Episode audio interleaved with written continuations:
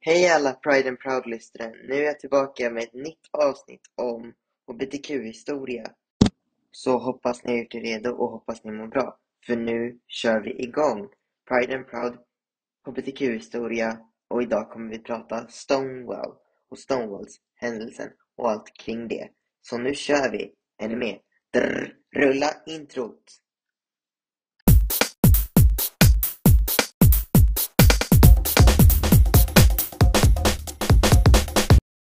Jag tycker vi börjar direkt.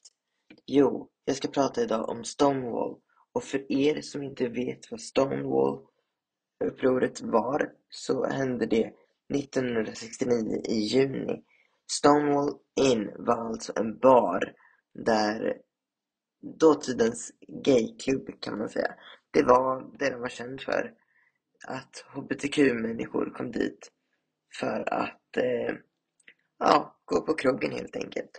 Och problemet här var att eh, polisen ofta gjorde oanmälda eller anmälda anklagelser som var falska på grund av att homofober anmälde och polis kom dit och arresterade människor då USA vid den här tiden var väldigt homofobiskt. Några exempel på vad som kunde hända var att man kunde bli nekad ett bord eller en plats på baren eh, för att man var homosexuell som exempel. Många olika människor var där men hbtq-människor straffades hårt genom att som sagt polis kallades dit och de grep hbtq-människor utan större anledning. Trots att baren var mycket liten så var det väldigt mycket människor där. Det var väldigt populärt. Eh, men som sagt, polis kom dit och grep de här människorna på grund av att de var klädda som transvestiter eller de var öppet gay i allmänhet. Och det tyckte ju polisen var fel så de arresterades. Men eh, det finns något som hände den här natten. Det var att det blev ett uppror. Man sa ifrån, man vågade egentligen stå upp för vad man trodde och tänkte. Så det blev känt som Stonewall-upproret och det hände i juni 1969. Polisen var brutal i dess utförande. Vissa människor skadades allvarligt medan några fåtal till och med dog. Men man stod upp för det man trodde på och Stonewall var som sagt startskottet för det vi idag är HBTQ Pride. Den här händelsen skakade hela HBTQ-communityt så kraftigt att man på årsdagen 1970 gick det som skulle kallas för det vi idag kallar för Pride. Och det var för att hedra de här tappra människorna som förlorade livet under Stonewall den 28 juni 1969.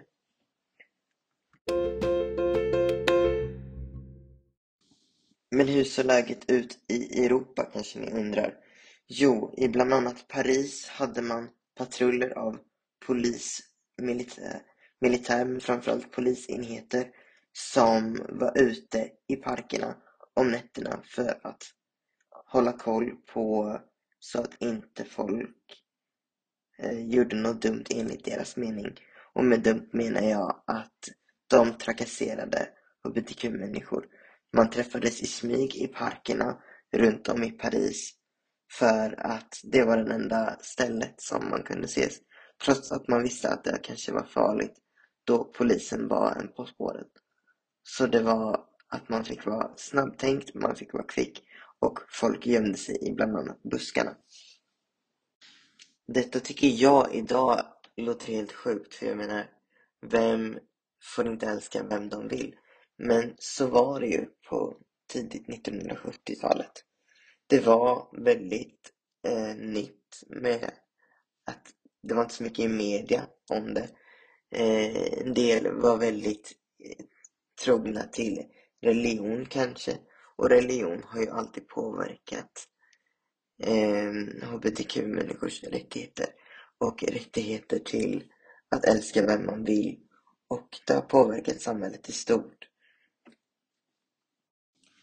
Men det som hände i Stonewall, för exempel, hände också runt om i Europa då man var tvungen att stänga barer på grund av förtryckningar.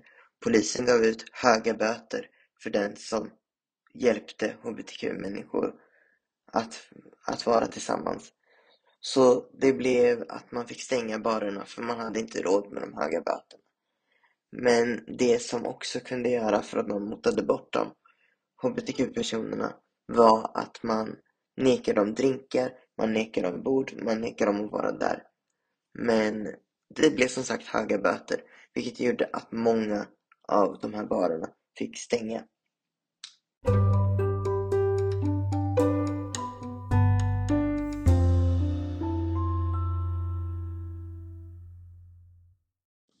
Men även här i Sverige skulle Stonewall få en inflytande och påverkan på ungdomarna på 1960-talet.